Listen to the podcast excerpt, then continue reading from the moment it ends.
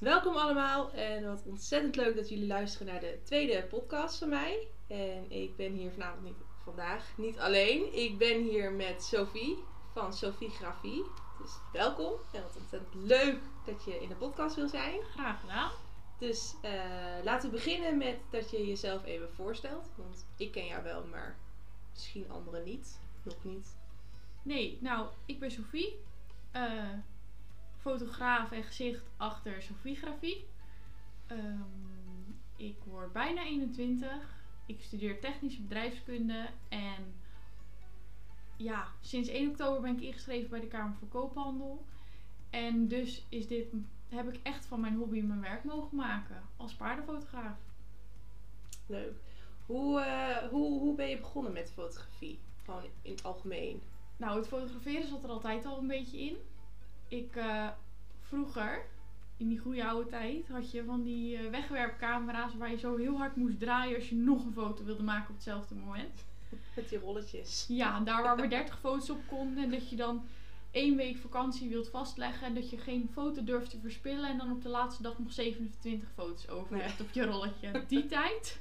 En allemaal wazig ook altijd. Ja. Toen begon het. Ehm, vooral dieren. Op mijn foto's waren altijd dieren te zien. Die van mijn zusje waren altijd de mensen. Bij mij altijd de dieren.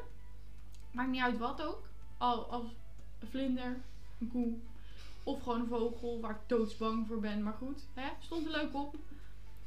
Eh, toen kreeg ik de digitale camera. Toen mocht ik van mijn ouders cameratijd. Kinderen van nu krijgen schermtijd. Hm. En ik kreeg cameratijd. Want ja, ik wilde ook. Ja. Eh, en toen in 2017 kwam ik van de middelbare school af. En dan heb je een hele lange zomervakantie voor je gevoel. En ik dacht dat ik in een soort gat zou vallen. Toen heb ik een beetje mijn stoute schoenen aangetrokken. En mijn allergrootste droom waargemaakt. Een eigen camera kopen. Nou, het was niet een hele, hele professionele of zo. Het, is een, het was een beetje een huistuin, een keuken, maar wel een goede, zeg maar. Weet je nog welke, welke het was? De PowerShot 60 of zo. Oh ja, ik ben ook met een powershot begonnen. Ja, Ja. zonder verwisselbare lenzen. Dat je dan op een cursus komt en dat je ziet dat mensen hun lens kunnen wisselen. Dat je Huh? denkt, hè? Je camera valt uit elkaar. nou, dat. Eh, en toen ben ik begonnen op de manege. Want ehm, soms heb je een reden nodig om van je ouders naar de manege te mogen. En die camera gaf mij die reden om extra paardentijd in te winnen. Ik moet echt naar manege. Ik moet Ja, foto's ik moet maken. foto's maken. Kan er niks aan doen. nou ja, in 2014 was ik begonnen met paardrijden. Die paarden zaten er altijd al in. En toen had ik eh, mijn nieuwe passie ontdekt. Dus eigenlijk sinds 2017. Toen heb ik begin dit jaar een ongeluk gehad. Waardoor ik mijn carrière als paardenfotograaf een dikke boost heb gegeven. Ehm, het ongeluk zorgde ervoor dat ik mijn linkerhand niet zo goed kon gebruiken. Eh, dat betekent dat je gewoon je leven een beetje rigoureus anders moet aanpakken. En dat er dingen zijn die je niet kunt. Ik kon eigenlijk niks. Behalve paardenfotografie. Of fotografie. Maar dan deed ik het altijd met paarden. En zo ben ik eigenlijk van een hobbyfotograaf naar inmiddels ingeschreven paardenfotograaf gegaan dit jaar. Leuk. En waarom heb je, ja, je hebt eigenlijk een beetje verteld, waarom heb je je specifiek op paarden gericht? Alleen maar omdat je dat zelf, omdat je zelf paard rijdt? Of, Eh, nou, ik vind paarden gewoon hele mooie dieren. En je kunt ook wel een soort met ze communiceren. En dat heb ik wel nodig. En ik zal heel eerlijk bekennen dat ik de, het geluk van het model moet ervaren, voelen of zien. Ik weet niet hoe ik dat heel goed uitleg. Alleen als je bijvoorbeeld portretten fotografeert van alleen mensen, eh, heb je heel snel dat mensen zichzelf heel erg bekritiseren. En dat vind ik heel jammer. ja. Terwijl een paard doet dat niet. Dus die foto is gewoon gaaf. En die is mooi. En iedereen is er blij mee. En dat heb ik wel een beetje nodig. En ehm, je kunt mensen makkelijker vertellen dat hun paard mooi is. Dan dat ze zelf mooi op een foto staan. Omdat, ja, dat vind ik zelf ook heel lastig. En heel begrijpelijk. Alleen als fotograaf vond ik dat wel een soort lastig. En daarom vooral de focus op de paarden. Ik heb inmiddels ook een paar hondenshoots gedaan. Ah. Maar ik vind paarden toch wel iets leuker. Toch stiekem mijn voorkeur. Ja, dat, ja, dat merk ik ook wel een beetje. Zeker als je net begint met fotograferen, dat je dan zelf ook nog een beetje op zoek bent naar de bevestiging van is mijn foto wel Ja. mooi? En dan zijn mensen gewoon heel lastig. Mensen zijn heel kritisch op zichzelf. Dus die zien hun, zichzelf op die foto. En dan zien ze alleen maar dingen die ze niet mooi vinden aan zichzelf. In plaats van dat ze objectief naar zo'n foto kijken. ja, want als fotograaf kan je er helemaal niks aan doen. Dat die foto dan misschien niet mooi is. Nee, omdat iemand misschien zijn neus niet mooi vindt. Of zijn lach niet mooi vindt. Maar ja, dan is de foto niet lelijk. Maar dan Nee. is dat iets wat het model aan zichzelf stoort. En als je dan net begint en je krijgt dan te horen van ja, Ja. mijn foto is niet mooi.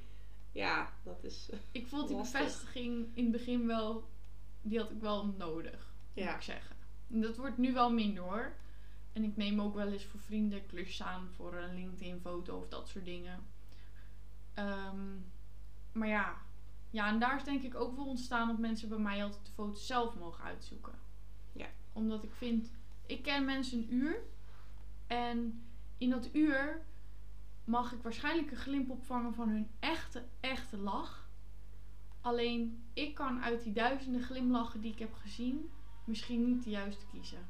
En dat moet het model van mijzelf doen, want dat is de foto waar je altijd blij mee gaat zijn, die waar je glimlach echt is. Ja, ik vind het ook altijd een beetje bijzonder dat er nog fotografen zijn die zelf de foto's kiezen. Kijk, als je een portfolio shoot doet en je doet hem gratis, eh, dan kan ik me voorstellen dat jij het voor jouw portfolio doet. Dus dat je zelf wil kiezen welke foto's je gebruikt.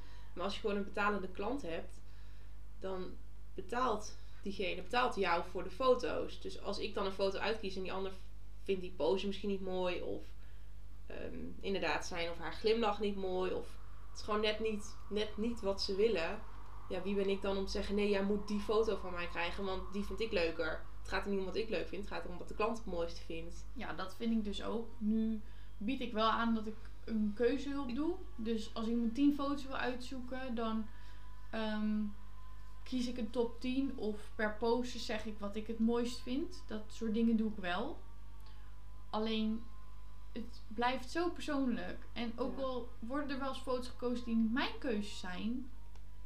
Als de klant er maar blij mee is. Want als ik een fotoshoot zou doen, zou ik ook willen dat ik 100% achter de foto sta. Ja. Als model. Ja, zeker. Ja, dat, dat vind ik ook wel het belangrijkste. Ja, ik, de- ik denk dat heel veel fotografen hebben dat volgens mij wel. Maar ja, er blijven toch een paar die dat dan toch stug volhouden. Dat zij de foto's kiezen. Eh, Ja, net als dat, dat er fotografen zijn die de locatie kiezen. Ja. Ja. ik vind dat toch een beetje bijzonder. Weet je, als iemand bij mij een shoot boekt, dan het is jouw shoot. Het is jouw feestje wat dat betreft. Ik ben alleen maar om te faciliteren. Jij kiest wat je wil, welke poses je wil. Of een jurk wil, of een krans, of bladgoud, of poeder. Het gaat erom dat jij foto's krijgt waar jij blij van wordt.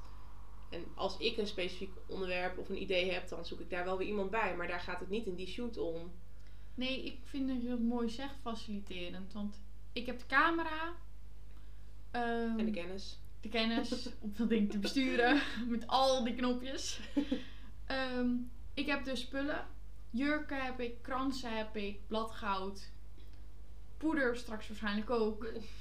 Weet je, ik ben daar inderdaad om dat feestje rond te breien. En ik wil daar mensen niet in remmen. Want als jij heel graag een fotoshoot doet met jouw jonge hengst, die nog niks anders heeft gezien dan een weiland, dan ga ik zeker niet vragen of jij naar het strand wil komen. Want ik, wil ook geen, ik heb geen zin in ongelukken en ik heb zeker geen zin in spanning op het models gezicht. Niet op het paard en niet op het mens. Dus Dat, dat werkt dan ook niet. ja, ik ben inderdaad faciliterend in Ja. dat opzicht. Ja. Ja. ja. Oké. En ehm, binnen, binnen de paarden heb je dan ook nog weer hè, verschillende soorten. We hebben net al een paar genoemd, maar je hebt, je hebt echt de rijfoto's, actiefoto's, portret, nou ja, blackfoto's, kerst, bladgrauw, poeder. Wat, wat vind jij nou dan het allerleukste om daarvan te doen? Ehm, ik denk actiefoto's, omdat ik die altijd heel gaaf vind. Maar ik begin bij te trekken nu mijn, mijn bewerkingsskills wat omhoog gaan. Mm. Eh, dat er echt wel hele gave portretfoto's tussen kunnen zitten. Ja. En dat je die band ook serieus wel kan vastleggen. Dat, het wordt een 2D plaatje met gevoel, zeg maar. Ja, En sinds ik dat een beetje heb, beginnen die portretfoto's me toch wel, ja, die worden toch wel een leuke uitdaging. En blackfoto's ben ik zelf minder van. Ehm, en dat komt omdat het voor mij een soort onnatuurlijk is. En ik weet natuurlijk hoe ze gemaakt worden. Dat is gewoon drama. Als je ooit weet hoe een foto geshopt is, echt. De rest van je leven kan je nooit meer normaal naar foto's kijken. Maar ja, blackfoto's haalt het natuurlijke uit die paarden of zo. Terwijl je eigenlijk heel veel details ziet. Dus ik, ik weet niet zo goed wat ik daarvan vind. En daarom staat die een beetje onderaan. Ja. Verder ben ik super overenthousiast over alles wat ik uitprobeer. En kerstgekte, dat, dat is nog net niet mijn tweede naam, zeg maar. dus toen ik in oktober met die kransen begon, vond ik het jammer dat ze ook die dag af waren. Met het knutselen. Want dat vind ik gewoon super gaaf. Alleen kan dat gewoon niet het hele jaar. Tenminste, ik ben altijd te boeken hoor mensen. Maar Gewoon in juni alvast kerstfoto's. Ja. Je kan het maar klaar hebben liggen. ja, met een beetje zonsondergang en zo. Of een bloemenveldje. Echt Ja. prachtig. Ehm, maar voor nu blijven de actiefoto's op één. Ja, toch wel? Ja.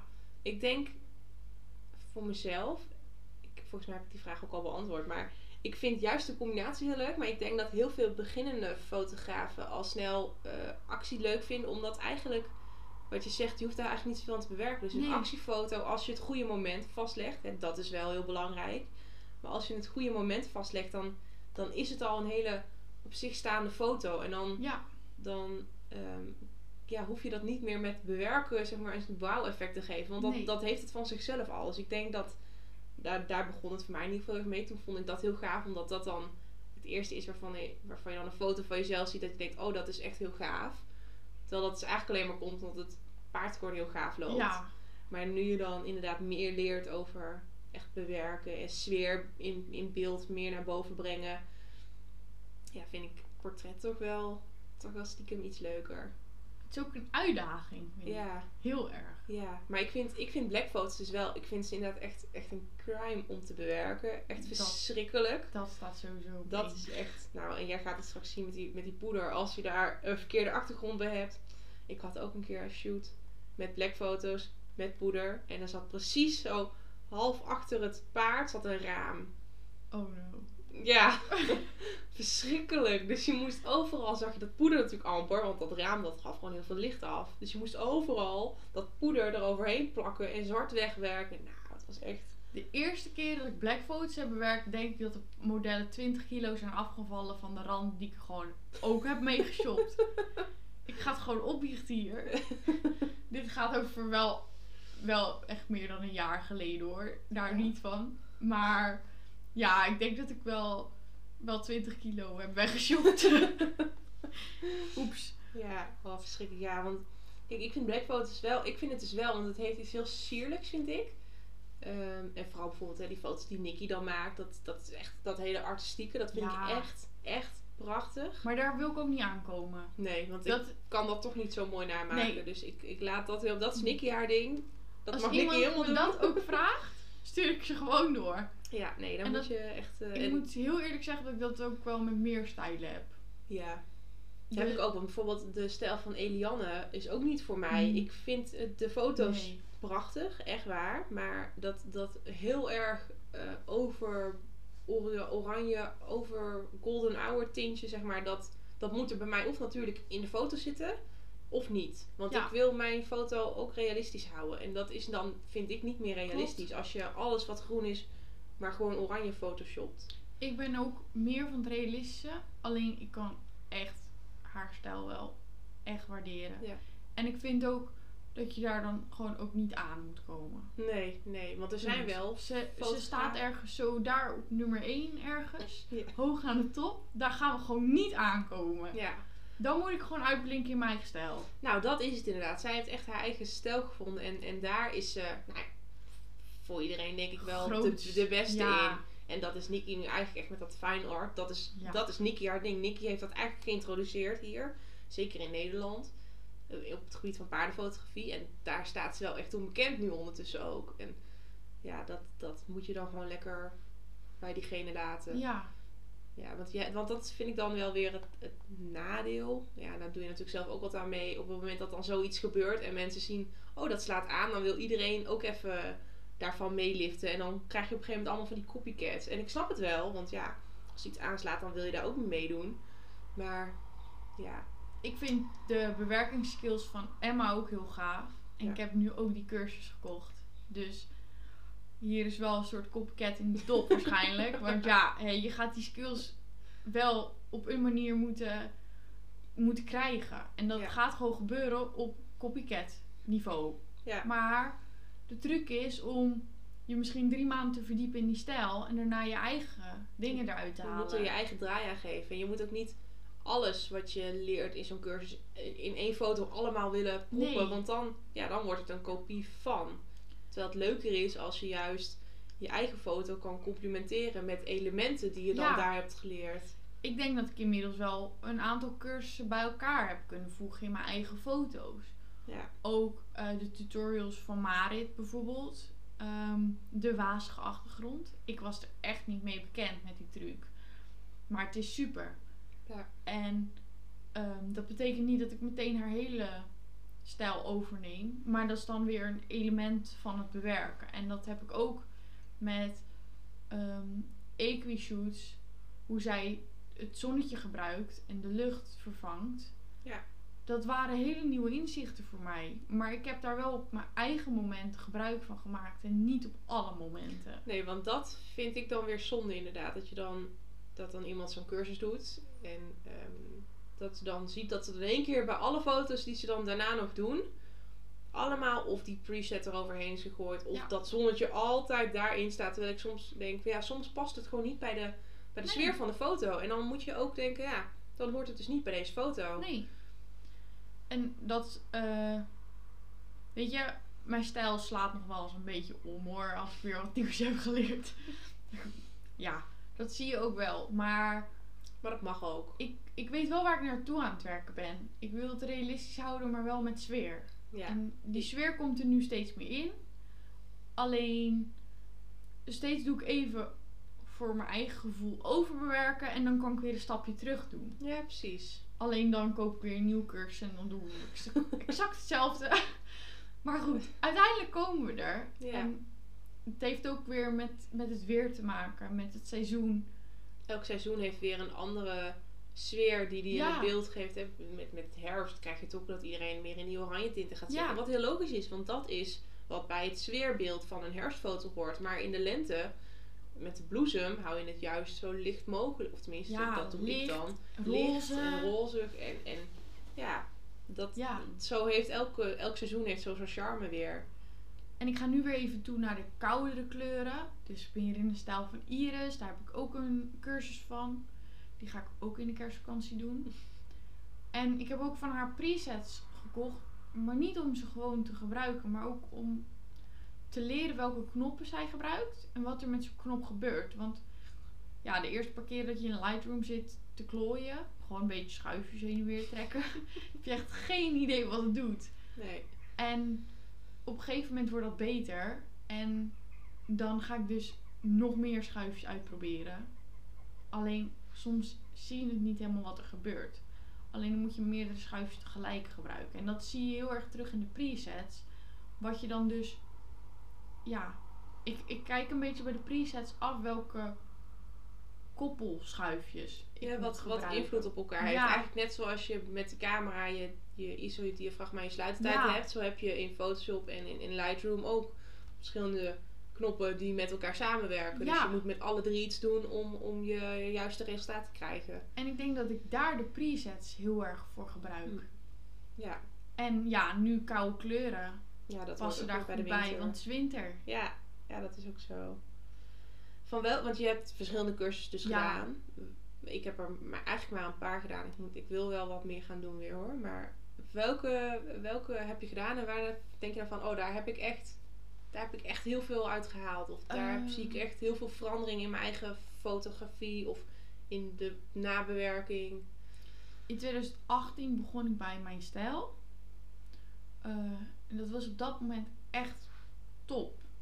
Ik, ik had voor het eerst model op een andere locatie voor de lens. zij stuurde die modellen een beetje losjes aan eigenlijk. Omdat die mensen ook gewoon wisten wat ze deden. Maar toch pikte je er wat van op. En ik denk dat op dat moment echt wel een soort het, het vak erachter is begonnen. Hm. Daar begon meer. Het bewustzijn van het is niet Ja. alleen maar een fotootje schieten, maar er Ja. komt ook nog heel veel andere dingen bij kijken. Het, het, je werd een soort specialer, vond ik.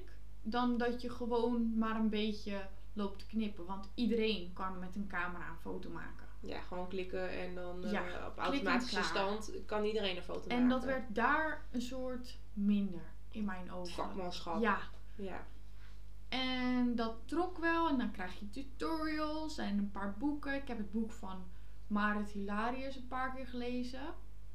Vooral ook bij het kopen van een camera is dat echt een dikke aanrader. Ja. Ehm, toen heb ik in januari de masterclass 1 op 1 van RM fotografie gedaan. Varianne. Daarin heb ik een soort bevestiging gekregen dat ik best leuk op weg was. Hm. Ik had alleen een hele donkere dag en dat kon gewoon mijn camera en lens niet aan. Punt.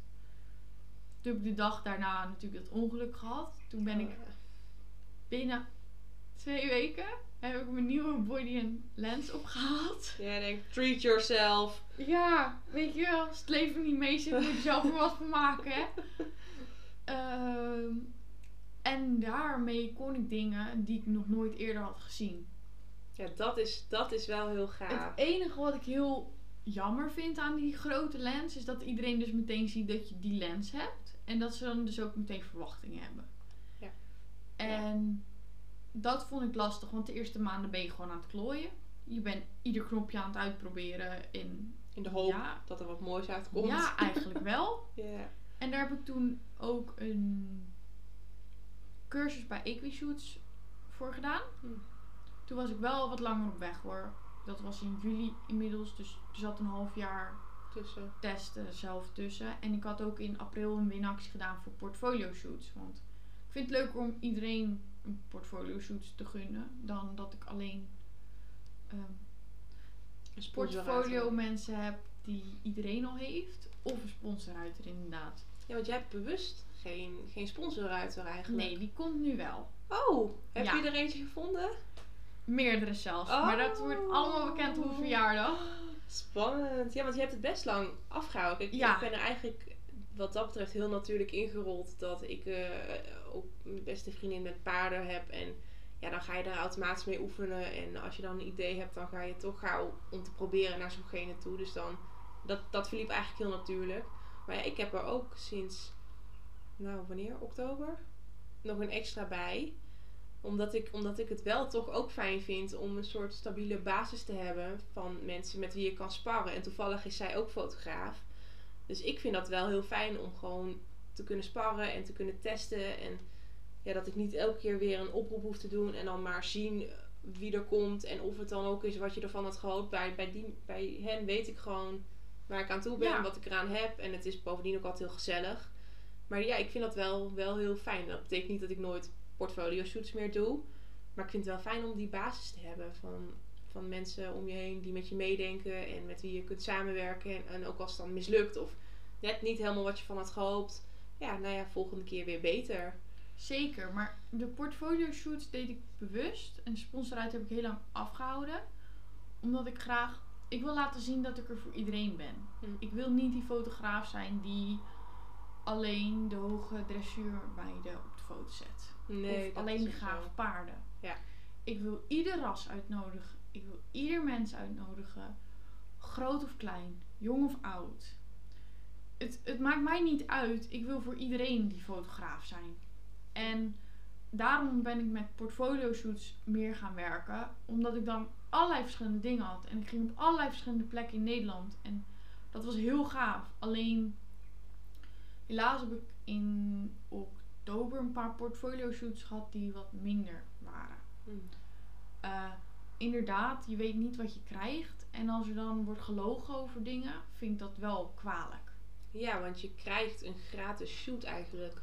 Ja, Dus ja, ja dat, dat, vond, En- dat vind ik ook lastig. eh, er was over niveau gelogen. Of eh, je paard staat niet klaar. Dat is ook heel vervelend. En ik wil best wachten hoor. Ik heb best geduld. En ik snap ook dat jij je paard niet op straks aansingelt en het hoofdstel nog niet indoet.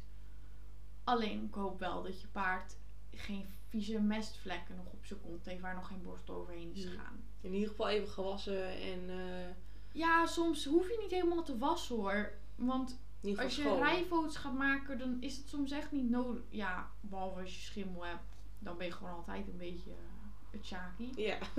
Maar ja, en toen ben ik inderdaad, ik zoek ook die stabiliteit. Ja, want, want inderdaad, wat je, wat je, ik snap wat je zegt van eh, het beeld is toch vaak bij sponsorruiters dat die inderdaad het hoogste niveau moeten rijden en de mooiste paarden. En ja, ik, ik, de- mijn sponsorruiters zijn haar hele leuke paarden. Maar het zijn geen Z, eh, Z-rijders en eh, weet je, dat... Ik wil dat wel, maar dat is- komt omdat ik laatst mocht ik set fotograferen ja. en toen kwam ik daar niet helemaal uit. En dat vind ik jammer. Dus dat is iets wat ik gewoon moet trainen. En op dat gebied wil ik dus ook een sponsorruiter waarmee ik mag trainen. ja, precies. Om voor jezelf om te Ja. oefenen. Ja. En daar heb ik dus wel de setruiter voor nodig. ja, dat snap ik. Maar dat betekent dan niet dat een ander niet meer op de foto mag. Maar daar meer over op een verjaardag. Dan ga ik ze helemaal voorstellen Dat, voor dat iedereen. komt allemaal nog. Jazeker. Leuk.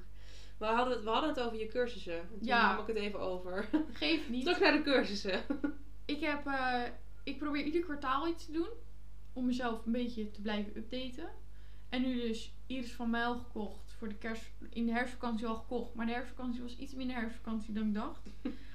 Eh, dus die is verschoven in de kerstvakantie. En de cursus van Emma ook.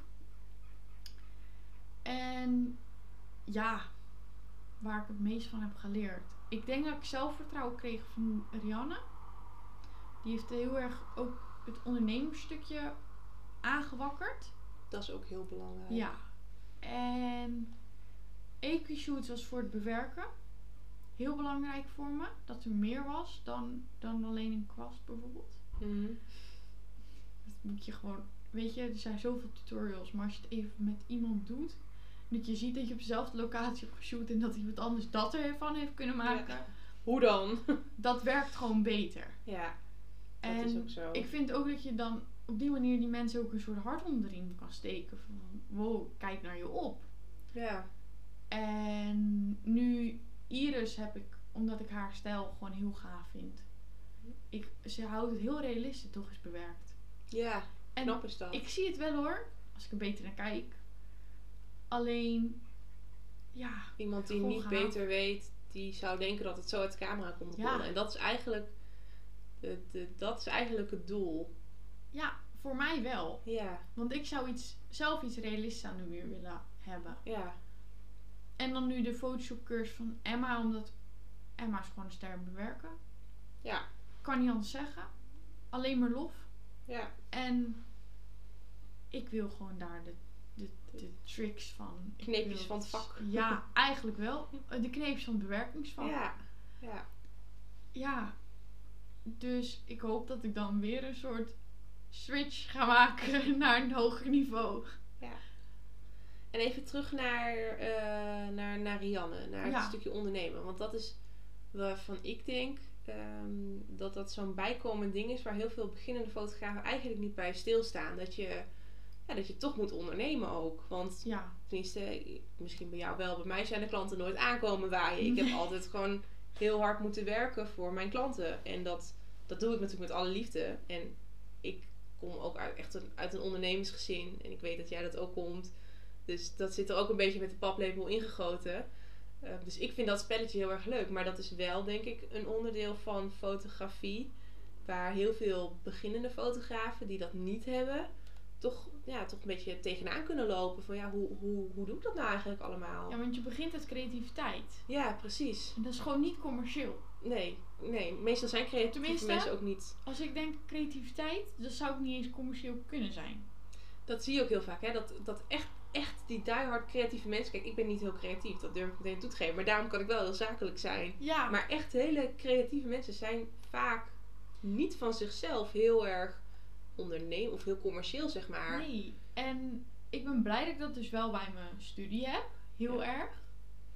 Ehm, maar dan blijft er een stukje over.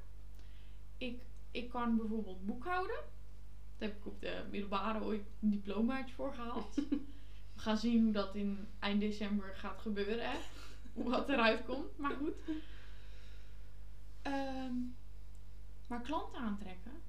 Of eens jezelf commercieel maken met hart voor de zaak. Want voor mijn gevoel kon dat nooit echt samen. Hart voor klanten en hart voor de zaak. Dat, dat zijn twee verschillende dingen. Ja, je was of zo'n zo'n keiharde, keiharde Business verkoper. lady. Of je was goed voor je klant. Ja, Maar er is een middenweg in. Ja. En die middenweg is moeilijk. Is pijnlijk ook. Als mensen zeggen dat, dat ze het je net niet waard vinden. En dat ze de shoot deden omdat dat je ze kent of zo. ja. Dat is lullig. Ja, of dat... Ja, mensen die net even meer willen. Altijd net even meer. Die Terwijl je denkt, ik heb mijn prijs uitgeknepen voor je. Meer kan ik niet. Dat, dat, is, dat vind ik inderdaad zelf ook heel fijn. Daar gaan we straks nog diep op in. Maar Ja. inderdaad, mensen die voor een dubbeltje op de eerste rij willen zitten. En dat is wel echt, echt een pijnpunt in de fotografie. En vooral in Nederland. Want ik merk dat ik zit bijvoorbeeld op Facebook ook in andere groepen met fotografen. En die zijn allemaal in Amerika of zo. En daar wordt er zoveel makkelijker met prijzen omgegaan. Ja. En hier is dat toch zo, zo lastig. En ehm, ik heb daar het meest geleerd van Hypofocus. Zij heeft mij toen, en van Mooi Moment, Lindy. Oh ja. Zij heeft me voor het eerst voorgerekend welke kosten ik maak. Als ik gewoon uitga van het minimumloon van een 20-jarige, heb ik het hele afgelopen jaar dikke verliezen gedraaid. Even zonder grappen. Ja. En dan heb ik het er niet over dat ik misschien nog niet zo snel ben in bewerken. Maar dan heb ik het er ook over dat mensen bij mij pas gingen betalen als er een foto werd besteld. Terwijl, oké, reiskosten vroeg ik wel vooraf.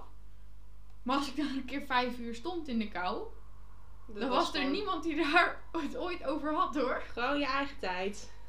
Ja. Eh, ja, daar ben ik wel van teruggekomen. Daar schrok ik wel van.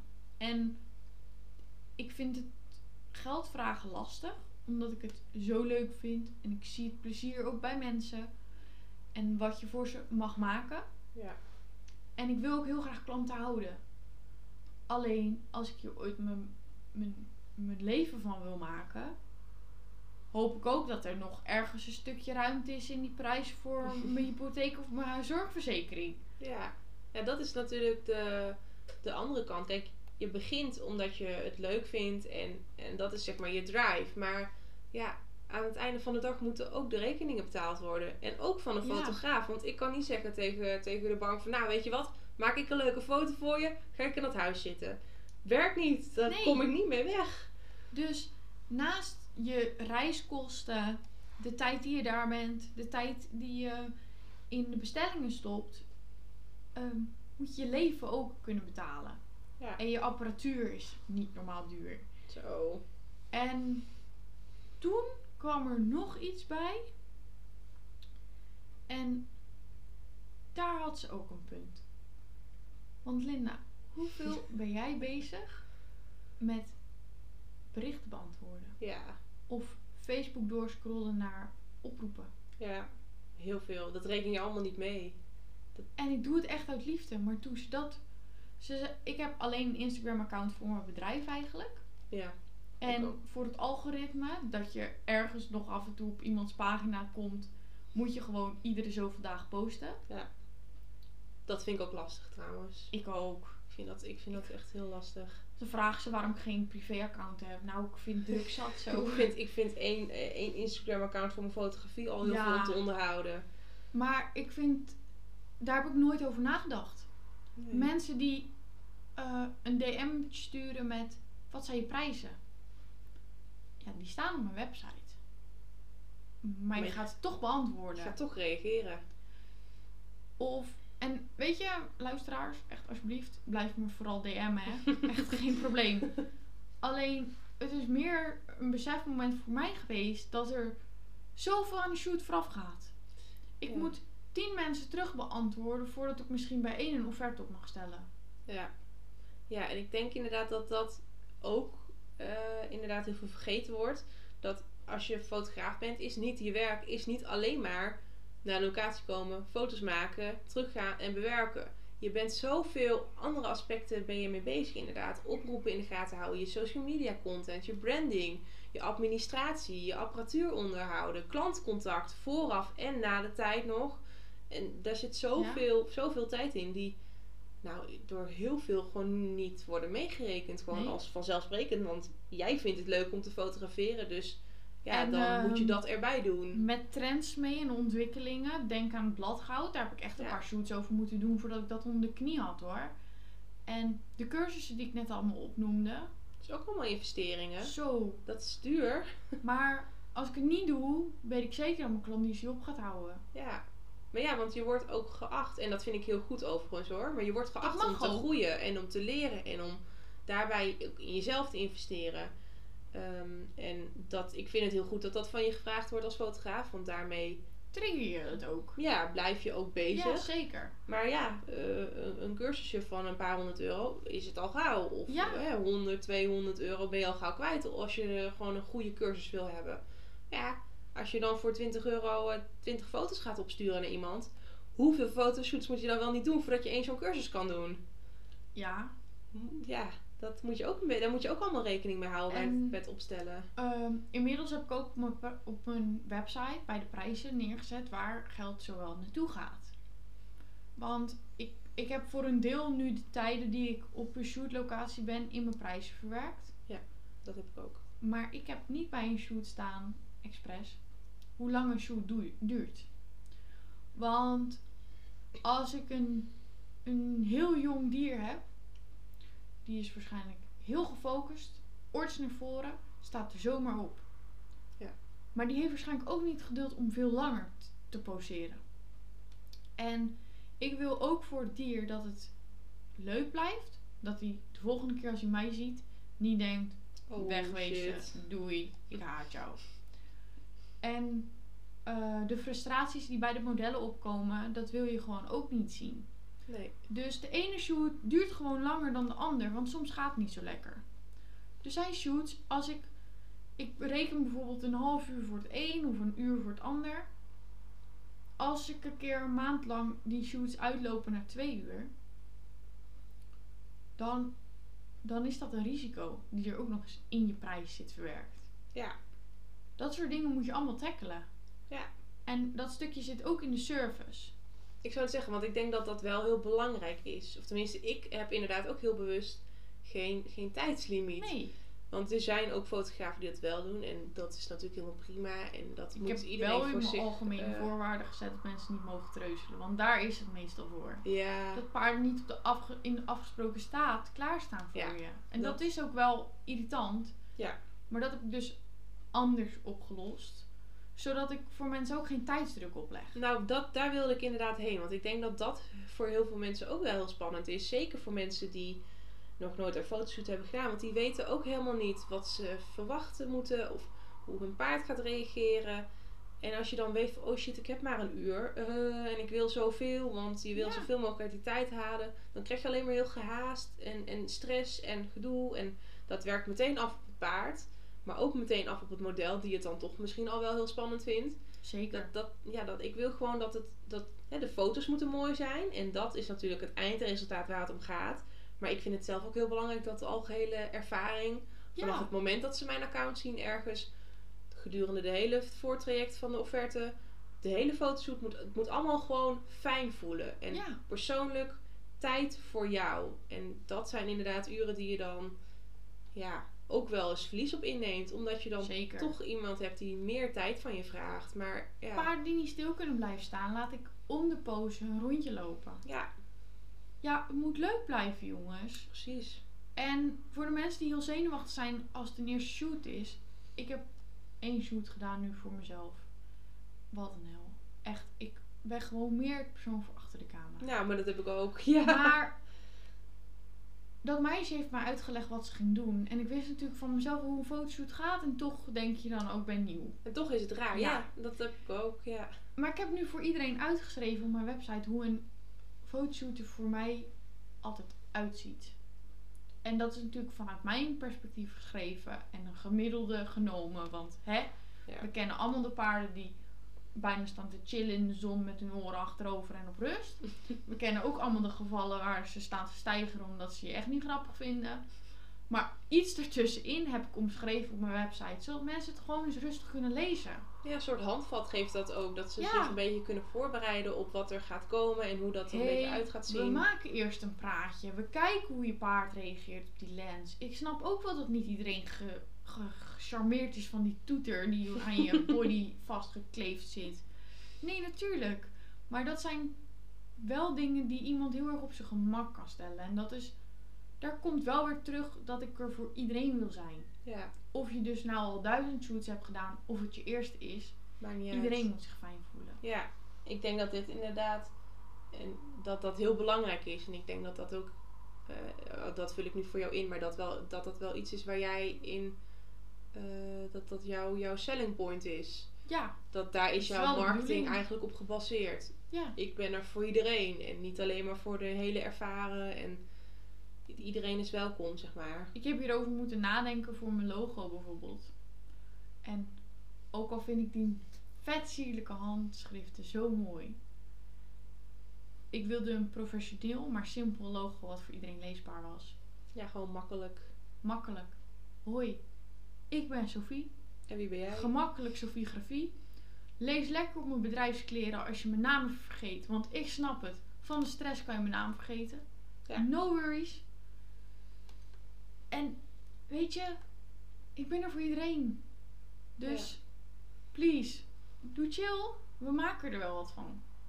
Ja, en dat, dat vind ik zelf inderdaad ook het heel, heel erg belangrijk. Want ik heb ook wel eens een fotoshoot gehad met iemand en die, die, die volgde mij al een tijdje. En die kwam, die heb ik zelfs opgehaald. Want, nou, ik haalde haar op om naar de locatie te rijden, was gewoon met haar hond. En die kwam ook echt van, ja, oh, ik ben echt een fan en ik vind het zo Ja. spannend. En, en toen dacht ik bij mezelf ook echt van, hè? maar Dat ik ben vreemd, ook maar hè? gewoon Linda van, eh, van weet je... eh, Ja. nou ja, ik, ik vond dat zo'n zo'n raar besef dat iemand zo'n gevoel kan hebben bij mij. Terwijl ik denk, en, en toen dacht ik ook, ik vind het, het is natuurlijk heel erg flatterend dat iemand zo nou ja, fan is van je werk of zo, zo Tuurlijk. blij is met wat je oplevert. Eh, maar ja, toen heb ik wel heel bewust ook, ook echt meer met haar gesproken en nou, gewoon mezelf ook wat kwetsbaarder opgesteld. Van, ja, ik ben ook maar gewoon een mens en ik heb toevallig een camera en toevallig weet Ja. ik dan hoe die werkt. Maar iedereen kan iets heel goed. En ja, weet je, dit, dit kan ik dan toevallig. Maar Ja, ja, dat vond ik een hele rare ervaring. Om dan Ja. iemand zo... Ja, dat, dat vond, ja, vond ik heel bijzonder. ik heb een eerste merchandise aanvraag gehad. Echt? Nou, toen draaide mijn maag een beetje om. Ik voelde het echt Oh. Inderdaad, ik voelde me heel erg gevleid. Maar ik werd er ook zo keihard onzeker van. Zo misplaatst voelde het voor mij. Ja, ik ben niet... Ik dacht, ja, maar ik ben gewoon zo. Ik ben gewoon zo. Ja, Echt niks meer, niks minder. Ik heb gewoon een passie. Ik vind dit gewoon heel leuk. En ik heb gewoon voor mijn hobby mijn bedrijf mogen maken. Maar dat is het. ja, ja, ja. ja niet, niet, niet zo spannend doen over wat ik doe. Nee. Ik probeer het voor jullie allemaal ontspannen te maken. Dus chill. Ja, gewoon lekker met je voeten in de modder blijven. En niet, Ja. eh, nou ja. Ja, dat, dat, dat vond ik inderdaad ook heel raar. Dat, Ja. dat gevoel. Mensen die dezelfde kleren willen of zo. Ja, Ja. heel apart. Dat soort dingen heb ik ook nooit over nagedacht toen ik, eh, Nee. toen ik dacht... Hoi, ik ben Sophie, ik word paardenfotograaf. Nee. Nee? Ik, had, ik, ik vind ook niet dat ik op dat niveau ben dat ik een fan zou moeten hebben of zo. Ja, volgens mij zijn er honderdduizend fotografen die net zo'n leuke foto kunnen maken als ik. Dus, ja, eh, dat is ook zoiets. Als mensen...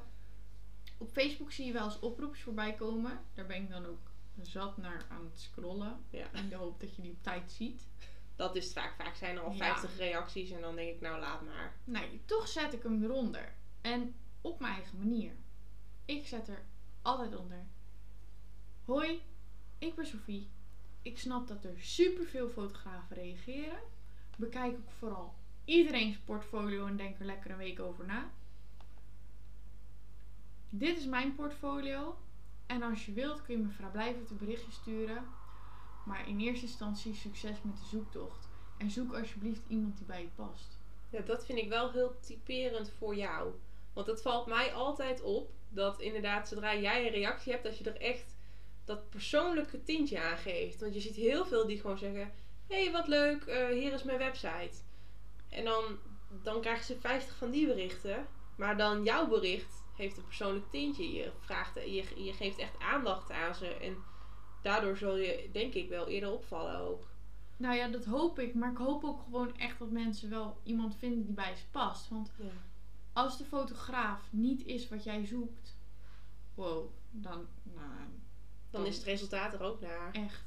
Dat is zo Ja. jammer. Daarom vind ik het ook altijd heel belangrijk om van tevoren gewoon even met iemand te hebben gesproken. En Ja. al is het maar via Instagram gewoon, maar dat je even een, een beetje kunt inschatten of je een klik hebt met iemand. Want Ja. als, je dat, als je dat niet hebt, dan is het heel. Ja, ik voel me dan altijd een beetje ongemakkelijk tijdens zo'n shoot. Omdat ik. Ja, ik, ik heb het niet. Ik heb het misschien één keer gehad of zo. Ehm, maar dan. dan ja, dan voel ik mezelf ook gewoon een beetje bezwaard. Ja. En dan, dan kan je net niet helemaal het optimale eruit halen. Ik heb, eh, ik moet natuurlijk voor mezelf ook wel eens een fotoshoot doen. En ik kijk altijd rond. Ik vind dat heel lastig. En Ja. ik ben, ik scheid in mijn broek voor de camera. Maar goed, ik heb iemand gevonden. Helemaal in Limburg. Maar ik voelde me meteen op mijn gemak. Ik raad ook iedereen aan altijd websites te lezen. Lees gewoon eens het verhaal van die fotograaf. Waarom doet hij het? Of zij? En wat, wat maakt diegene jouw Diegene. fotograaf? Ja, dat zeg je wel heel mooi. Want ik denk inderdaad dat dat heel belangrijk is. Je moet een fotograaf zoeken die bij jou zoekt. Of die bij jou past. Ja, Dat, dat, ja, ja, dat vind ik een hele goede inderdaad. En ik denk inderdaad dat, ehm, dat iemand anders... Kijk, jij bent zelf fotograaf en je zoekt een fotograaf. Maar dat iedereen die een fotograaf zoekt... Kijk altijd even naar meerdere portfolio's. En inderdaad, lees altijd dat stukje wie ben ik of... of over Ja. mij. Ik vind dat zo'n belangrijk stukje. En ik vond het voor mezelf heel lastig om te schrijven. Nou, dat heb ik jou ook honderdduizend keer meer lastig gevallen. Ik vond dat zo lastig om te schrijven, want je wil toch een bepaalde mate van professionaliteit houden, want dat wil je ook uitstralen, dat je serieus bent en professional bent. Maar je wil daarin ook de juiste mate van kwetsbaarheid geven en een kijkje in je eigen leven. En vooral wat ik heel erg belangrijk vond om, om te laten doorschijnen is waarom ik dit doe. Dat ik het niet doe om rijk te worden of eh, hè, ik doe het echt omdat ik het zo mooi en zo belangrijk vind dat iedereen op zijn minst één mooie foto heeft van zijn paard of hond. Of, omdat het zo belangrijk is. En ik heb best hard moeten leren hoe belangrijk. Ja. Dus het is echt zeg maar vanuit die, die passie dat je dat doet. En ik denk dat dat inderdaad heel belangrijk is om te laten merken aan mensen of om te laten weten. En ik gun het ook iedereen om een fotoshoot te doen op het moment dat je geliefde viervoeter nog oké is. Ja, en niet op het einde. En niet aan het einde. ook want- misschien. Ja, ook is oké. Alleen, ik heb nu een paar keer een shoot gehad. Waar op het moment zelf niks aan de hand was. En later opeens wel. Ja. En als je de shoots vergelijkt, ehm, zie je bijna het verschil tussen een kind op de foto en een volwassene op de foto. Ja, je Als ziet ook het verdriet gewoon. Of de emotie Ja. van er is iets. Terwijl het ene kan zo lekker spontaan en blij en ja, echt een soort vrolijkheid uitstralen. Ja. En dan maakt de hele moed of de sfeer van de foto niet uit. Alleen er zit altijd een donker randje om een afscheidsshoot. Ja. ja, ik denk inderdaad dat je het dan beide moet doen als je graag een afscheidsshoot moet doen, maar niet alleen. Want Ik- je mist echt die Ja. blije herinnering. Want ook al is het, ook al lach je op een foto, je gaat toch met een foto terug naar het moment. En het moment is dan gewoon ontzettend rot. Want Ja, je moet je paard of je hond of wat dan ook laten inslapen. Of hè, er gebeurt een nare herinnering zit eraan gekleefd. Dus klopt. je zal nooit naar die foto kijken en denken, oh wat mooi. Nee, En dat, dat inderdaad, ja, dat vind ik ook wel. eh, daar, en dat had ik zelf nooit hoor. Totdat ik begon met fotograferen zelf, had, was ik daar ook nooit zo mee bezig. Maar nu nee. zeg ik het tegen iedereen, alsjeblieft, doe het Doe het gewoon voor één keer. Je gun het jezelf een keer, want je, je bent daar zo blij Dat mee. is het inderdaad. Het is een een gun voor jezelf. Ja, en daarom En moet het je is ook niet investeren. egoïstisch. Nee, Nee. nee, klopt. Je moet, ja, ik vind dat ook. Je moet het jezelf gewoon één keer gunnen. Ja, En tuurlijk, als je dan helemaal verliefd bent op iemand en hij is best wel duur voor jou, dan snap ik dat je daar even nog een keer over nadenkt. Maar de waarde van een foto, als je viervoeter er niet meer is, is niet uit te drukken in geld. Dan denk je niet meer na over die 100 euro die je er misschien voor hebt gegeven. Of misschien wel die 200 of 300. Want dan ben je zo blij dat je die foto nog hebt. Om na te kijken en terug te gaan naar dat moment en die herinnering daarbij te halen. Dan, dan ben je dat geld al lang weer kwijt. Ja, dat denk ik wel. Ja, maar ik denk dat dat wel iets is wat veel niet beseffen. En het lijkt ook een taboe. Ja, Het lijkt alsof er een, ja, ik weet niet. Zit, en dat vind ik zelf dan ook wel weer lastig aan bijvoorbeeld Instagram. Ehm, en waarom ik dus inderdaad zelf toen ook heel bewust mijn prijzen echt omhoog heb gedaan. Is omdat op Instagram toch wel heel veel wat, wat, nou, wat jongere meiden vooral zitten. Ja, die, die denken dat het allemaal maar als, als portfolio en als oefenshoots. En ja, waarom moet dat zoveel kosten? En ja, dan denk ik, jij bent niet mijn klant. Want mijn klant weet wat de waarde is van een foto. En die kijkt dan niet naar het prijskaartje voor een digitaal bestand, maar die kijkt naar het prijskaartje voor het vastleggen van zo'n dierbaar moment. ja, En dat vind ik echt een heel groot verschil. En dat was voor mij ook een heel groot verschil om voor mezelf vast te leggen. Van, nou, wie wil ik nou voor mijn lens hebben? Maar het gaf mij zoveel duidelijkheid over hoe ik daar mijn prijzen op moest afstemmen. En hoe ik daar mijn marketing op moest afstemmen. Want Ja. je, je, en, dat, en dat heeft mij heel veel rust gegeven. Want ik heb veel minder van dat soort berichtjes van... Oh, wat kost het? En dan stuur je je prijs en dan... Oh, dat is wel duur. Of gewoon geen reactie meer. En dan ben je zoveel tijd aan kwijt. En dan denk ik, ja... Dat zijn ook niet de mensen voor wie ik het eigenlijk wil doen. Dat klinkt heel hard. Want ik wil natuurlijk iedereen helpen. Maar niet als je voor een dubbeltje op de eerste rij wil zitten. Want je want wil Nou voor ja. je Instagram pagina wat nieuwe fotootjes hebben. En dan Ja. moet ik dan maar op inleveren. En ik zie het verschil nu bij mezelf. De shoots waarbij ik een euro per foto vroeg, Mhm.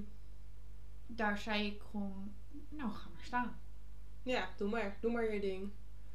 En nu zeg ik, zullen we eerst een paar eh, poses proberen? Dan kijken we of er tussendoor wat spontaniteit is. Hè? Want je hebt altijd een paard die ofwel reageert of niet reageert. Hè? Er komen momenten tussendoor waar je geen pose hebt. Ja. Omdat daar iets moois gebeurt. En dat laat je gaan. En daarna ga je weer door met je routine. En dingen die ik ook kan oplossen tegenwoordig. Als een paard niet kijkt of bang is of... Weet je, er zitten allemaal dingetjes bij. En bijvoorbeeld bij Equishoots heb ik ook geleerd, heb ik geluisterd naar hoe zij de modellen aanstuurden. En daar heb ik best wel ja, dingen van geleerd. Dat ik dacht, wow, dat, dat komt er wel bij op zo'n dag. Wat, je, Ja. dat, wat ik er nu wel in steek en wat ik toen met die euro per foto nog niet wist. En er dus ook niet Kon kon overbrengen. overbrengen. Ja. Maar je foto's worden zo anders. Ja, ik vond het wel grappig. Ik had ehm, twee weken geleden had ik een shoot met iemand. En eh, ik, ik kende haar van Instagram omdat, en, en omdat ik dan ook wel eens op wedstrijden sta. En daar had ze al een paar keer een foto van me gekocht. En zo hadden we af en toe wel wat contact en zo. En ze woont redelijk in de buurt. En dus zij deed wel eens een oproepje, maar dan echt voor haar Instagram-account. Dus ze heeft best een groot account. Dus dan kreeg ze altijd wel heel veel van die beginnende fotografen die Ja. daarop reageerden. Dus ik reageerde ook wel vaak van, hé, hey, ik heb ook wel tijd. En toen gaf ze aan van, ja, ik wil jou wel heel graag vragen, maar dit zijn alleen maar foto's van mijn Instagram. En als ik dan foto's van jou wil, wil ik dat ze echt van een bijzonder moment zijn. Of van een mooie setting, zodat ik ze ook echt kan gebruiken voor aan de muur. Ja, En dat vond ik sowieso al een heel mooi compliment eigenlijk. En toen was ik daar, eh, want ze wilde kerstfoto's. Dus ik ben daar met een kerstkrans heen gegaan. En vanuit natuur ga ik gewoon ook inderdaad een beetje aansturen van... Hé, hey, probeer eens of hij hier met zijn hoofd heen wil. Zoek dit eens even op. Probeer dit een beetje aansturen, een beetje kijken. Ik zei, speel maar een beetje met, met die ideeën. En toen zei ze achteraf ook van, ja, dat is zo anders dan hoe ik gewend Ja? ben. Want al die beginnende fotografen, die doen dat niet. Dus Nee. dan gaat ze zelf maar een beetje staan. En dan hoopt ze maar dat het goed is. En ze zei, jij, jij, jij, jij laat zien wat je, wat je doet. Hè. Ik kom dan af en toe even met foto's laten zien van kijk, zo ziet het er nu uit. Je geeft tips over wat ik moet doen. En daardoor geef je ook een soort zelfvertrouwen. ehm, dat je weet Ja. dat de foto's mooi worden. En, en ja, een soort sturing, dat je daar niet een beetje verloren bij staat. En dat vond ik zo'n mooi compliment. Dat ik denk, ja, en dat is nou precies waarom je voor mij net iets meer moet betalen. Ja. En dat vond ik zo, zo mooi, Maar zeg maar, om bevestigd te krijgen. Alle spullen die we erbij kopen of aanbieden. Ook nog Eh touwhalsters. 20 euro per stuk, makkelijk. Ja, maar dat is wel iets wat ik nu wel heb. Toen niet. Ja. Of die ik toen wel had, maar kreeg ze niet weggeshopt. Dan had je alsnog je- een touwhalster erop. Ja. Ja. En nou ja, ik denk dat er gewoon heel veel tijd en ervaring dat dat wel ook mag uitbetalen Ja. op den duur. Ja, maar goed, ook je apparatuur. Kijk, toen jij dus in, in 2014 begon of in 2017 met je PowerShot, daar ben ik ook mee begonnen. En dat, ja, weet je, dan kon ik op de, op, dan moest het echt een zomerdag zijn en dan kon ik een leuke foto maken. Ja, zon Ja, overal. zon, gewoon om 1 uur s'nachts, of, of 1 uur s'nachts, 1 uur 's middags, want ik wilde het meeste licht wat er ook maar Ja. was. En nu denk ik, ja, dat, dat- Licht, ga weg. ja, ik Wil wil geen schaduw. Nee, precies. Maar dat kon ik toen niet. Ik had die keuze niet, want mijn camera kon dat niet aan. Maar nu heb ik voor een vermogen en apparatuur liggen. Ja, dan moet ik ook terugverdienen. Dat Ja. heb ik ook allemaal moeten investeren. En ik vind investeren leuk, hè? Zeker. Echt. Het is ook En- heel belangrijk. Ja, en niks ten nadelen ervan. En ik ben blij dat ik ooit mijn prijs lager had. Alleen er komt zo'n moment dat je dus wel voor jezelf en, je- en het commerciële deel moet gaan kiezen. Ja. Omdat je anders blijft inleveren. Ja, en dan, dat en is dat prima. kan in het begin. Maar ik ben hierna klaar met mijn HBO. Ik wil misschien een master. Ehm, wat voor werk wil ik? Ga ik parttime solliciteren? Ga ik fulltime solliciteren? Wat kan erbij? Want ja, ik ben straks 21. Ik hoop er toch wel binnen 10 jaar het huis uit te gaan. Ja, dat snap ik. Nou ja, met de prijzen van dit jaar eh, Nog niet. zijn we alleen maar verder bij mijn ouders ingetrokken, zeg maar. Toch maar weer teruggegaan. Ja, Ja, nou, maar, en ik denk dat dat ook het verschil is tussen een hobbyfotograaf die hobby wil blijven. Kijk, een hobby mag geld kosten. Maar als je een bedrijf wil runnen, moet het geld opleveren. En ik denk dat die mindset of dat verschil daartussenin echt heel erg bepalend is voor hoe je jezelf in de markt zet. Ik wil een bedrijf ervan maken. Maar dat betekent dat er dus een kantelpunt moet komen waarin je denkt: oké, ik ben nu goed genoeg gaan hobbyen ja. en gaan leren dat ik nu de overstap, de transitie in kan gaan naar een bedrijf. En dat hoeft niet een keer van de een op de andere dag een knop te zijn. Nee, zeker niet. maar je moet wel die werk, die, die- je moet dat wel gaan inzetten. Want je moet op een gegeven moment gaan verdienen in plaats van alleen maar investeren. En neem er ook vooral tijd voor, want die mindset moet groeien. Ja, Dat, daar moet je echt aan toe zijn. Ja. Want anders kun je het zelf ook niet, nee, niet verkopen. Je krijg- nee, je krijgt jezelf niet meer verkocht. En dat is ehm, vreemd, want je moet erachter blijven staan. Ja, Zeker omdat het is niet echt een...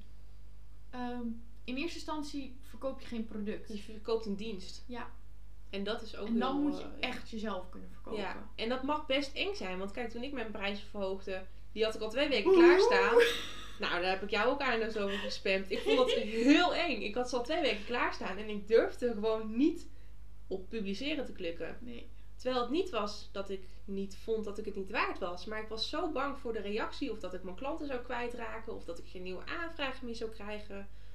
Maar dus het mag best eng zijn. Want ik stond wel achter mijn prijzen. Alleen Ja. ja, het was gewoon spannend. Want het is nieuw. En je neemt een sprong in het diepe ook een beetje weer. En neem die sprong op het moment dat je ook gewoon nog in die verandering mag zitten. Ja, Want ik woon bij mijn ouders. En het is jammer voor iedereen die ik graag een kerstcadeautje had gegund.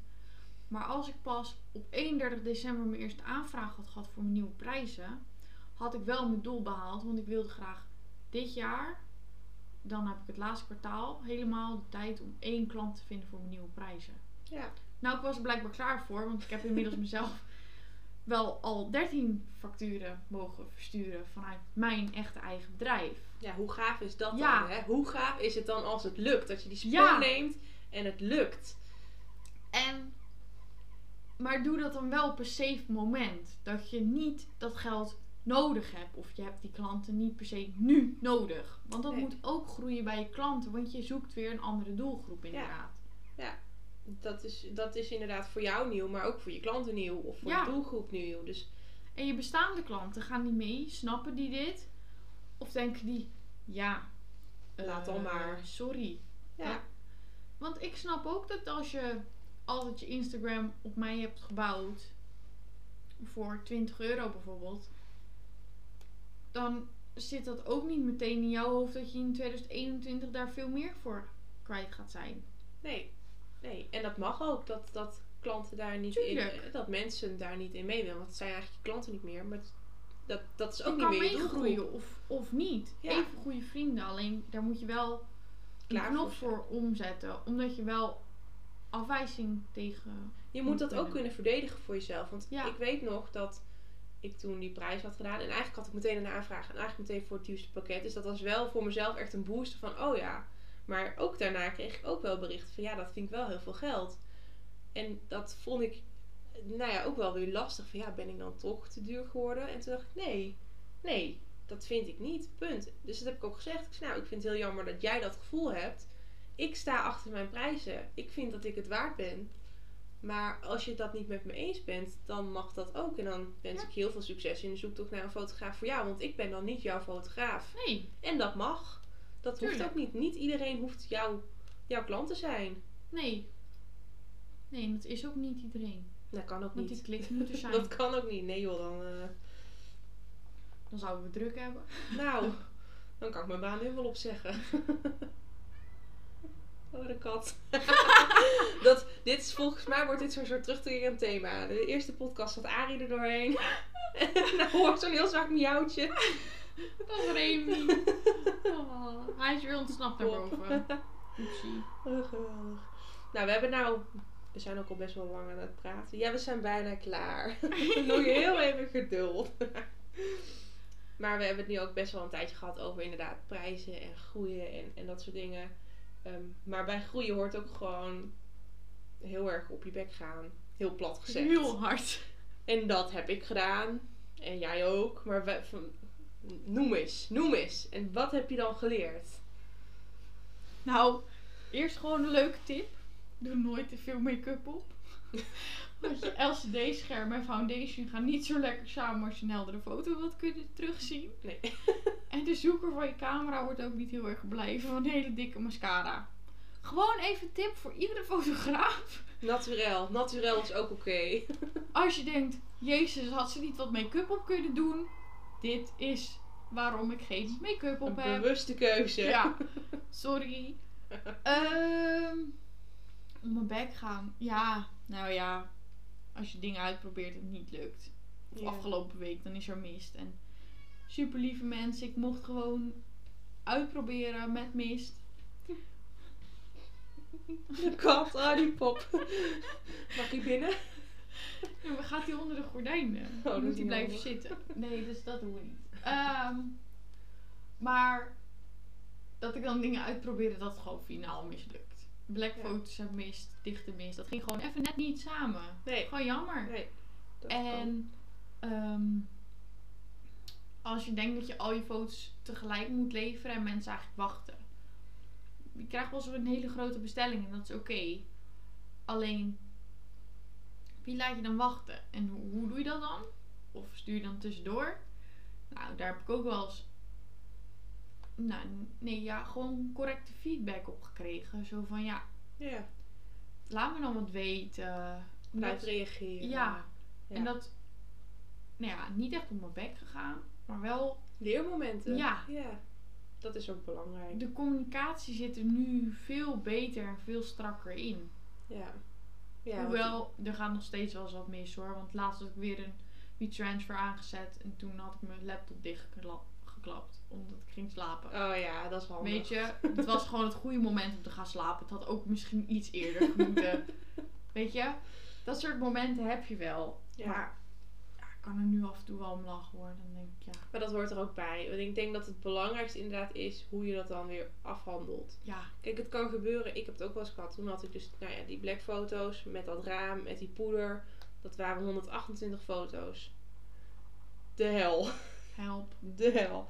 Ja, toen heb ik ook gewoon gezegd, joh, ik stuur gewoon elke dag, dat waren 13 verschillende paarden. Elke dag van iedereen een foto en zo, net zo lang totdat ik ze allemaal klaar heb. Ja, En dan krijgen ze toch regelmatig even een foto. Dan hebben zij weer een beetje, ze- oh leuk. En dan heb jij achter de schermen net even wat meer adem Ja. om het weg te werken. En ik heb laatst ook voor eh, de website van een stal mogen shooten. Ja, dat zijn gewoon veel foto's. Ja. Maar die wil je wel op tijd afhandelen. Maar zij snappen ook dat je geen 100 foto's op een dag kan doen. Nee. En daar is mijn prijs dan ook naar dat ik nog wel student ben. Dus als ik nu tentamenweek heb, dan zeg doen. ik het vooraf. Ja. Dan wil ik best shooten. Alleen het kan allemaal even wat lang duren. En dat is denk ik ook inderdaad het verschil. Kijk, ik werk Ja. er ook nog fulltime naast. Dus ja, het moet bij mij ook allemaal in de avonden en in de weekenden. Dat maakt En- helemaal niet uit. Dat is een Nee. bewuste keuze. Maar daar hou je rekening mee en daar stem je dingen op En af. dat probeer ik ook wel eens uit te leggen. Dat die pakketten zijn niet per se eh, om mensen te dwingen foto's te laten kopen. Nee. Die pakketten, daar baseer ik ook mijn tijdindeling op. Je planning. Want Ja. als mensen een pakketje wit kopen met vijf foto's en ze gaan uiteindelijk bestellen ze er wel twintig. Ja, het spijt me, maar ik had gedacht vijf foto's, dus dat kan ik in een week en dan kon ik dus nog een shoot doen. En als ik dan die shoot wel heb gepland en die doe ik ook, dan zou het best kunnen dat die 20 foto's wel langer duren. Ja. Maar dat betekent niet dat ik die eerste vijf bijvoorbeeld niet eerder kan sturen. Nee, je kan in ieder geval al een deel sturen. En dan, Ja. Ja. En ja, de communicatie is gewoon wel verbeterd. Ja. ja. Maar ja, goed, ook daar moet je in groeien. Want Ja. dat moet je ook leren gaande de weg. willen mensen wel een appje van mij ontvangen. Ja. Niet, ja, weet je, hebben ze niet iets beters te doen. Ja. Ja, ik vond het in het begin ook wel spannend. Of, ja, een overweging. Ja, geef ik, want ik heb geen zakelijk nummer. Nee, ik Geef ik dan niet. mijn privénummer? Want ik vind het gewoon heel vervelend als ik, dan, als ik twee telefoons moet hebben. Dan moet ik Ja. constant op twee telefoons in de gaten houden. Dus dat, dat wil ik niet. En ik vind dat ook weer een stukje onderdeel van het persoonlijke wat ik wil uitstralen. Is dat je gewoon Ja. mijn privé 06 krijgt. Maar ik laat soms wel een appje, zeg maar, openstaan. Ja, want dan weet ik dat ik daar nog iets mee moet. Ja, maar ook ehm, als, als ik een dagje weg ben met de familie Ja, of zo. zeker. Sorry, maar er zijn momenten, ja echt, sommige momenten ben ik een soort vrij. Ja, maar dat moet ook kunnen. En dat je dan iemand zijn privénummer geeft, betekent niet dat je altijd aan moet staan. Nee. Maar Terwijl ik wel eigenlijk altijd aansta. Want als iemand om 11 uur 's avonds. Oké, als ik slaap, slaap ik. Sorry. maar verder kunnen mensen me wel heel vaak bereiken. En als er echt nood aan de man is, bijvoorbeeld een afscheidsshoot, probeer ik het wel altijd. ja, No matter what, tuurlijk. eigenlijk. Ja, tuurlijk. Ja. Wat is nou de, de beste tip die je iemand kan geven? Die dit nu luistert en die denkt, ik wil ook beginnen. Of ik ben begonnen, maar help. Blijf jezelf en blijf het leuk vinden. Als je één van beiden verliest, kappen. Of ga terug naar waar je vandaan kwam. Wat, wat heb je gedaan in de tussentijd dat je het niet meer leuk vindt? Of Ja. dat je niet meer jezelf bent? Terug naar de basis. Ja. Ja. Want je kan jezelf niet verkopen als je jezelf niet bent. Dat is heel mooi gezegd. Ja. En als je het niet leuk vindt, hoe wil je dan dat een ander leuk op de foto staat? Als Ja. ik chagrijnig op shoot kom, dan hebben mijn modellen denk ik wel een, een shitty dag. Ja. Ja. Ja, dat vind ik een hele mooie inderdaad. Ik denk dat dat ook wel de essentie is inderdaad. Als je blijf het leuk vinden en ga anders terug naar het punt als je het wel leuk vond. Ja. En ik, Ga terug naar minder shoots. Of ga terug naar portfolio shoots. ja, precies. Neem een pauze als je Ja. dat aan het bent. Ga Ja. jezelf opnieuw uitvinden. Maar Ja. ga alsjeblieft niet door als je het niet leuk vindt. Want je helpt je klanten niet om daar chagrijnig wel op te komen dagen. Nee, ik ook. En ik denk aanvullend daarop, in, blijf ook investeren in jezelf. Niet alleen in je materiaal, maar ook Ook in jezelf. in jezelf, in je eigen persoonlijke ontwikkeling. Want als je vanaf fotograaf of beginnend hobbyfotograaf echt naar een onderneming wil, dan moet je zelf ook een persoonlijke ontwikkeling doorgaan. En investeer, neem daar ook de tijd voor. Ja. ja. Ja. Boek gewoon een keertje twee weken vrij in. Ja, precies. Om maar zelf iets te doen. Ja, Moet kunnen. Laatste vraag. Wat kunnen we voor jou verwachten in 2021? Oeh. Ehm, ik heb. ehm, ik had altijd dit hele plan van wat ik nu heb uitgevoerd. Dat zou eigenlijk gebeuren als ik 21 was. Vond ik een mooi getal om te beginnen. En al die doelen heb ik eigenlijk al ongeveer kunnen wegstrepen. Maar ik ben op zoek naar prachtige locaties voor shootdagen. Leuk. Gewoon, ik kom op die locatie en trailers rijden af en aan ook naar die locatie. Ja. Als het lukt, wie weet, staat er nog een fotograaf? Linda? Misschien ben je Dat zou wel- leuk zijn. Ehm, ik heb hiervoor mensen al wel contact, maar ehm, de bloemen zijn nog niet eh, uitgegroeid, dus daar kan ik later pas meer over zeggen. ja. Mochten er luisteraars locaties kennen of Let us know. ja, ken je een, een, een bloementeler of zo, mag je het ook allemaal laten weten. Ja, En het is ook niet dat het allemaal gratis moet, maar ik zoek gewoon een mooie locatie. dat mag best wat kosten. Ja, daar Ja. ben ik mee bezig. Dat hoop ik dus wel in 2021 goed te krijgen. Ja. Verder zal mijn jaar beter naar de seizoenen zijn opgedeeld. Dus ik heb iets beter de kalender in mijn hoofd waar ik wat kan shooten. Hm. Op welk moment. En jullie gaan leuk samenwerken zien met mijn sponsoruiters. En die zullen jullie best wel eens eh, tegenkomen. Maar ik wil geen shitload aan alleen sponsoruiters. Want ik ben er voor iedereen. Ja, ik kies zelf je sponsoruiters uit. Ja. Ehm, en ik hoop dus met die nieuwe cursussen dat ik eh, ja, weer nieuwe dingen kan. En nog mooiere foto's kan leveren. Nou, leuk. Waar kunnen ze je vinden? Ik zal je natuurlijk linken. Dus Tuurlijk. je kan ook gewoon in het linkje klikken, maar stel ik vergeet dat. Ehm, op Instagram, Sophie met ph. Punt grafie. Want op, gewoon op zijn Nederlandse spelling. Geen moeilijke dingen. Ik hou gewoon van Nederland. Lekker simpel. Ehm Sophie Grafie was uitverkocht op Insta, dus we hebben er een puntje tussen. Op Facebook is het wel gewoon Sophie Grafie. En ik heb natuurlijk een website, gewoon www.sophiegrafie.nl. Nou, Sophie Grafie dus. Ja, eigenlijk wel. Zoek gewoon op Google en je komt er vanzelf. Ja. Nou, ik denk dat dit hem is voor nu. We zijn ook al meer dan een uur bezig. Oepsie. Dankjewel dat je eh, wilde meewerken hier. Heel graag gedaan. Voor je tips en je verhalen. En ehm, voor de luisteraars, bedankt voor het luisteren. Ja, Ik ben heel benieuwd wat jullie ervan vonden. En eh, laat het ons zeker even weten. Doeg! doeg.